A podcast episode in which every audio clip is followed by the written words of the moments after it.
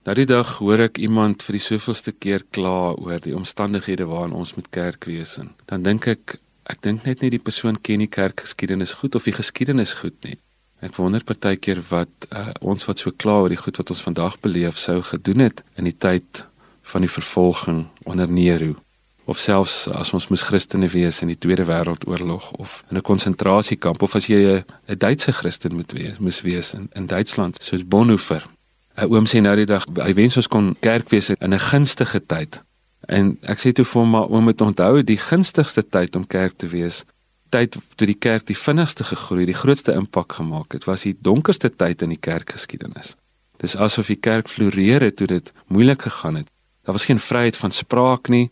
Die kerk het nie eiendom besit nie, nie teologiese opleiding gehad nie. Die meeste van daai vroeë Christene het nie eens Bybels gehad nie. Die Nuwe Testament was nog besig om saamgestel te word. En dit lyk asof die kerk juis gegroei het in die tyd toe die kerk se stem die minste in die openbaar gehoor is. So dit wil vir my lyk asof die probleem nie is dat ons nie genoeg praat nie.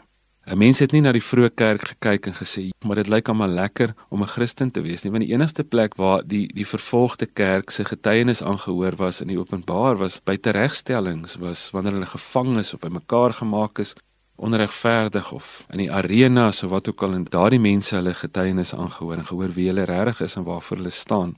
Gaan lees maar 'n bietjie die verhale van die kerkvaders van Justinus en van die ander wat sê dat juis dit hulle lewens verander het.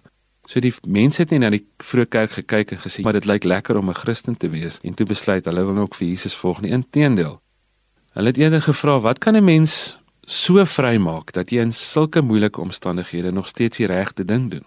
Hulle het gevra wat kan so groot wees dat iemand soveel daarvoor sal verduur. Hulle het gelewe volgens daai teks van Paulus wat dit so mooi saamvat Romeine 12 vers 21 wat sê moet julle nie deur die kwaad laat oorwin nie maar oorwin die kwaad deur die goeie. Hulle het dit reg gekry om in die midde van boosheid en duisternis nie self boos en donker te word nie, maar om juist dan hulle lig te laat skyn. En dit wil vir ons lyk asof ons getuienis partykeer die meeste saak maak wanneer die lewe op sy mees onregverdigste is.